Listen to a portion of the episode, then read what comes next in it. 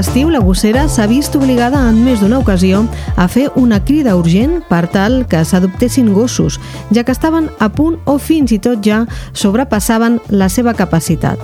Els motius pels quals els animals arriben a la gossera són molt variats, però també és cert que cada vegada és més complicada l'adopció. La crisi de l'habitatge també ha arribat als gossos. No hi ha pisos de lloguer i menys encara que acceptin animals.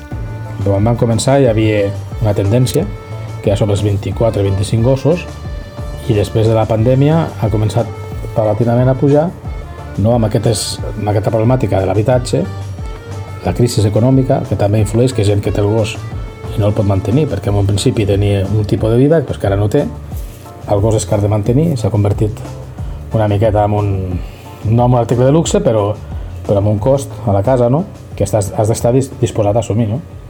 De fet, quan tu adoptes ara un gos, t'has de plantejar si podràs, primer, per l'habitatge, si et deixaran,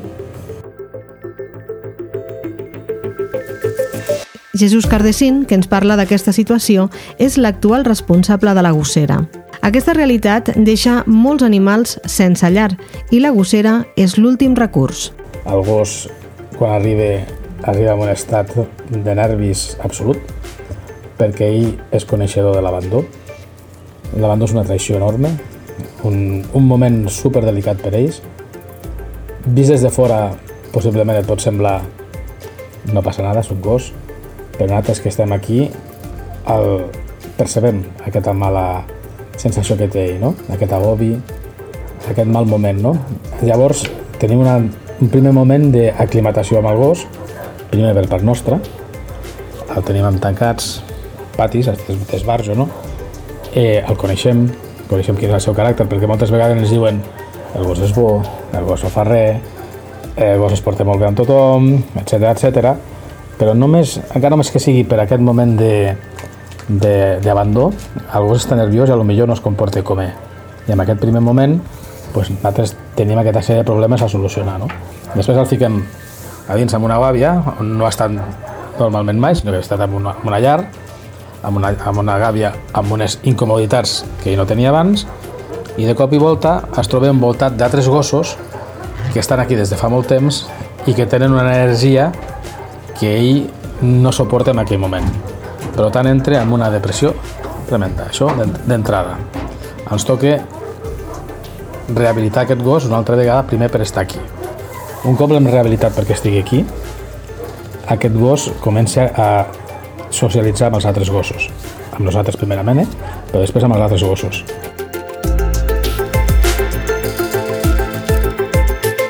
Hola, sóc Esther Pons i això és l'Altaveu a fons. Aquesta setmana parlem de la realitat a la gossera. Hola, Nàdia. Hola. Treballes aquí o ets voluntària? No, sóc voluntària de moment. Molt bé. De moment. De moment. I vens cada dia? Vinc de dilluns a divendres. Molt bé. Hola, té permís per, del Jesús per passar per les gàbies. Aquests són els meus companys. Molt bé, que també són voluntaris? No, ells, ells treballen aquí. Ells treballen aquí. Sí. És, és que jo ja són la meva família, però Ja. són la meva família. Llavors ja T'agraden molt els gossos, no? A mi m'encanten.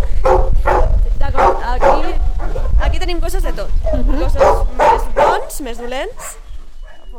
La Nàdia, com ja l'hem sentit, és voluntària, però té ganes d'entrar a formar part de la plantilla de gossos, que és l'associació que s'encarrega de la gestió de la gossera. Amb ella vaig conèixer tots els animals que el juliol, que va ser quan els vaig visitar, estaven a les instal·lacions. Totes les gàbies eren plenes. Com arriba, però, un gos a la gossera? Sovint tenim la imatge que veiem a les pel·lícules, on animals abandonats els troben pels carrers i acaben en aquestes instal·lacions. La realitat, com a mínim a Andorra, no és ben bé així.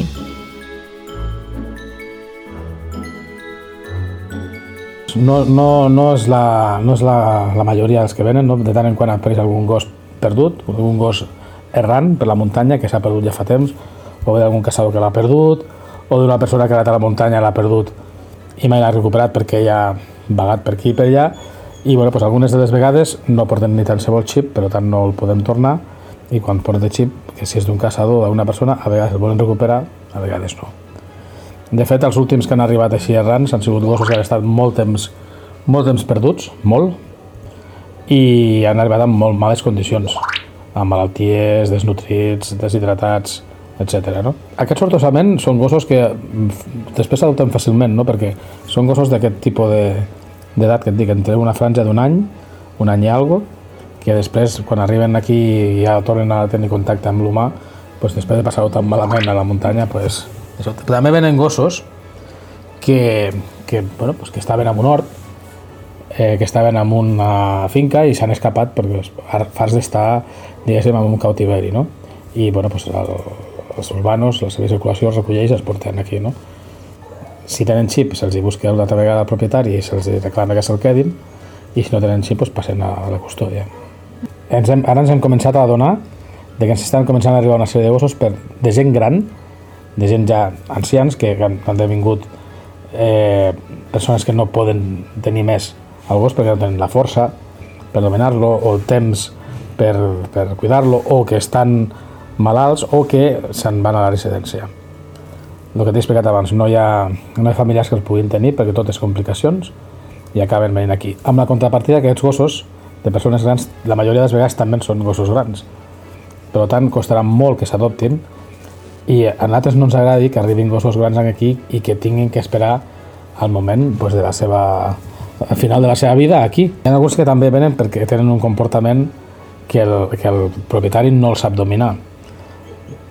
Arriben gossos d'un any, un any i pico, gossos que han sigut cadells molt bonics, però que no, no han sapigut entendre els seus propietaris que necessitava el gos i venen amb comportaments pues, com, no sé, ansietat per separació, que això és el que provoca pues, un munt de, de coses, no? que el gos no, no, no, no pugui estar a casa, que el gos no, que el gos no, no pugui bordi quan està a casa, que el gos eh, eh, mengi al sofà, que el gos eh, cridi, que el gos es pixi, es caigui dintre de casa, tot això ho fa la- l'ansietat de la separació. No? I això és perquè des d'un primer moment no s'han fet les pautes com demana per, per tenir un, un gos. No? Vull dir, has volgut un gos, l'has anat a buscar, a adoptar o comprar molt maco, però després el gos necessita una educació. No és un joguet de piles que el pares l'engegues, no? Clar, això és una responsabilitat. I venen bastants gossos per això, d'un any, un any. De fet, la majoria dels gossos que tenim aquí ara mateix, jo diria que un 65% són gossos de entre un any i un any i mig. Sobre la gossera s'està parlant darrerament per la procedència dels animals i també per l'estat de vacunació un cop s'entreguen. Si es compleixen o no els protocols, ara s'està estudiant, però així expliquen des de la direcció quina és la cura que tenen d'aquests animals. Tenim un servei, associació amb un servei veterinari, en aquest cas amb món- món veterinari.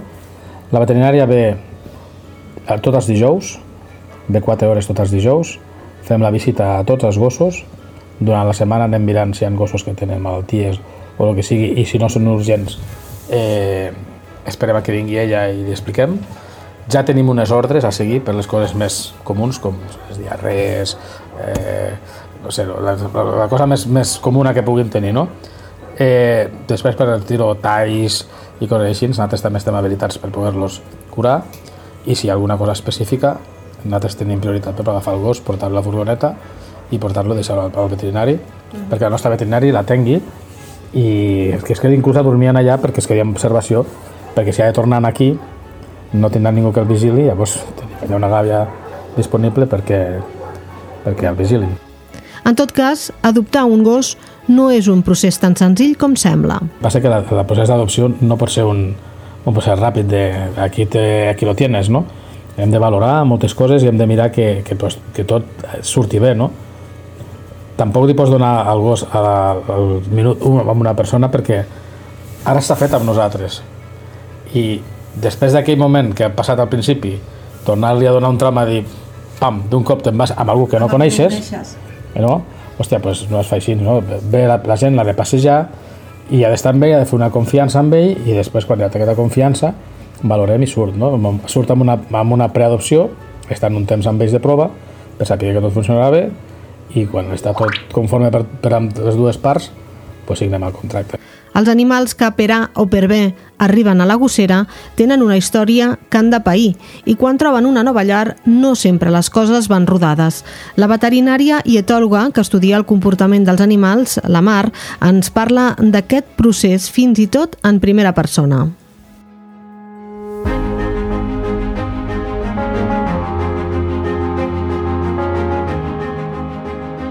A veure, eh, jo entenc que els gossos, com les persones, poden tenir diferents caràcters, poden tenir diferents temperaments i això que fa que l'estada en una gossera pugui afectar als, als diferents gossos de, de manera diferent, no? segons l'individu però està clar que a manera emocional els afecta de, de forma negativa i això després dona símptomes que és el que veiem nosaltres eh, que fa que vull dir, o sigui, el que a ulls nostres veiem que el gos no, no, ho, està, no ho està passant gens bé.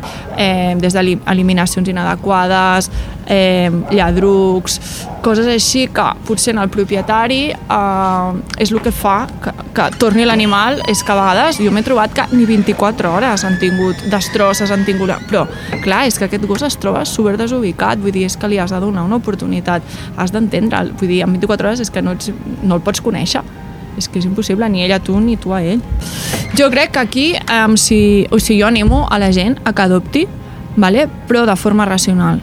Què vull dir amb això? No pots tenir unes falses expectatives, vull dir, no pots arribar a casa en haver adoptat un adult d'una gossera i pretendre que en dos dies el gos estigui adaptat a casa teva. Vull dir, hi ha adaptacions que duren dies, setmanes i mesos. Vull dir, i això hem de ser molt, eh, molt conscients d'això. Els meus gossos, eh, bueno, gossos i gats, jo els tinc tots, tots adoptats.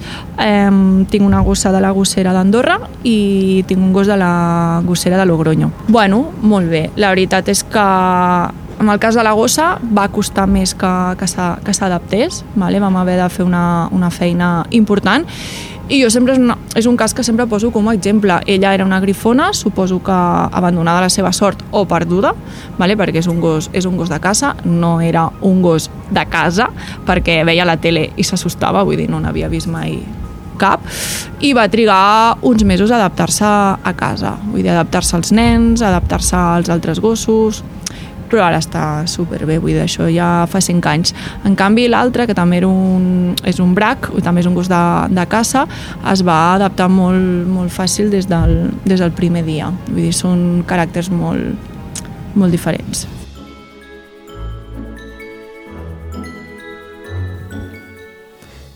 Tornem a la gossera d'Andorra. Deixar-hi el gos, si ja no el pots cuidar, no és gratuït. Té un cost de 134 euros i adoptar-lo tampoc ho és. S'ha de pagar 190 euros. En principi, els animals adoptats estan vacunats, desparasitats i identificats.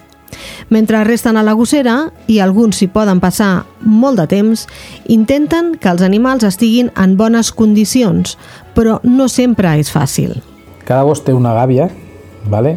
amb la que té una part interior i una part exterior. La part interior està amb una porta, amb porta gatera sota, perquè hi pugui entrar i sortir a lliure disposició, i dintre d'aquest hivern, dintre d'aquesta gàbia, té una tarima, una tarima de fusta, per elevar-la del terra i aïllar-la del, del fred del terra, té un llit, un llit d'aquests de, de plàstic per ell, i fem eh, eventualment crides perquè la gent ens, ens, ens porti mantes eh, roba d'abric.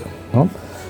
Cada, cada habitació, diguéssim, cada part interior de la gàbia té calefacció.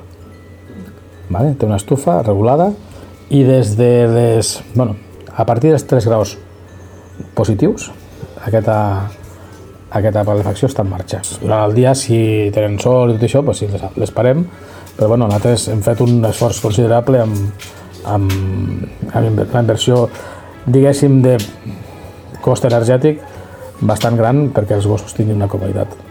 L'hivern és l'època més dura, queda clar, i no només els animals ho passen malament. La gent que estem aquí, tots, des del primer fins a l'últim, a més, ja per treballar aquí has de tenir una sensibilitat especial, treballar amb gossos no és fàcil. El que t'he explicat abans de que reps uns animals amb un estat mm, moltes vegades lamentable, no? has, de, has, de, has de ser empàtic amb ells, eh, estan bloquejats, no? no pots anar a cops amb ells i forçar-los i, i venga va, i m'entens que et vull dir? Has d'anar molt tranquil·lament, has de tenir una feina, has de ser molt calmat, has de relaxar-te, tu perds els nervis de la teva vida particular i no pots mesclar-lo amb el que estàs fent, no? I a partir d'aquí, mm, si no t'agraden els gossos, no pots treballar amb aquesta, amb aquesta feina, no? Després també ho passes malament perquè veus les evolucions a, a bé o a dolent, no? Les que van bé, fantàstic, és una, és una alegria veure com un gos està aquí i que relativament està bastant content d'estar aquí, relativament, eh, repeteixo, i és molt més satisfactori veure, quan se'n van i se'n van amb una família que tu consideres que ha sigut la bona adopció i després quan fas el seguiment veus que s'ha encertat, no? I quan els veus pel carrer que encara et reconeixen i que està supercontent que estiguin amb aquella gent, no? És una feina que té pues, aquests dos vessants, no? La de l'alegria i la de la tristesa, no? Perquè també pensa que quan te'n vas a la tarda, bueno, a l'estiu està molt bé perquè fa calor i tot això, no? Però a l'hivern, quan marxes i fa un fred i els veus que els deixes i, i et preocupes, no? I s'haurà parat, no sé, haurà marxat la llum o haurà passat alguna cosa o, no? Inclús a vegades, quan són dies de molt fred, molt fred, ens arribem a, tor a tornar per venir i fer una volta a les nits a veure com està tot, no? També ens poden deixar gossos aquí fora, tenim una àvia de quarantena, diguéssim, per rebre gossos, i a l'hivern, bueno, pues, si ens deixen algun gos, aquí realment no està preparat, sí que fa fred, i bueno, nosaltres el que fem és que estem en, en comunicació amb els serveis de circulació, que ens avisin i si el porten a la una, a les dues, a les tres del matí, nosaltres agafem el gos, li preparem una habitació, l'entrem i la, el deixem a bon, a, bon, a bon lloc, no? Tens que tenir dues coses. Primer, que t'agraden els gossos, no tenir-hi por, tenir una, una miqueta de coneixement del, del seu comportament i, i després això, no? que, que sàpiga deixar les, les coses aquí, no? perquè si no després a casa han de el coco. No? Amb la futura ampliació de les instal·lacions que ja s'ha adjudicat per valor de més de 500.000 euros, aquestes condicions milloraran. Així i tot, una gossera no deixa de ser un mal menor per un gos que no té llar.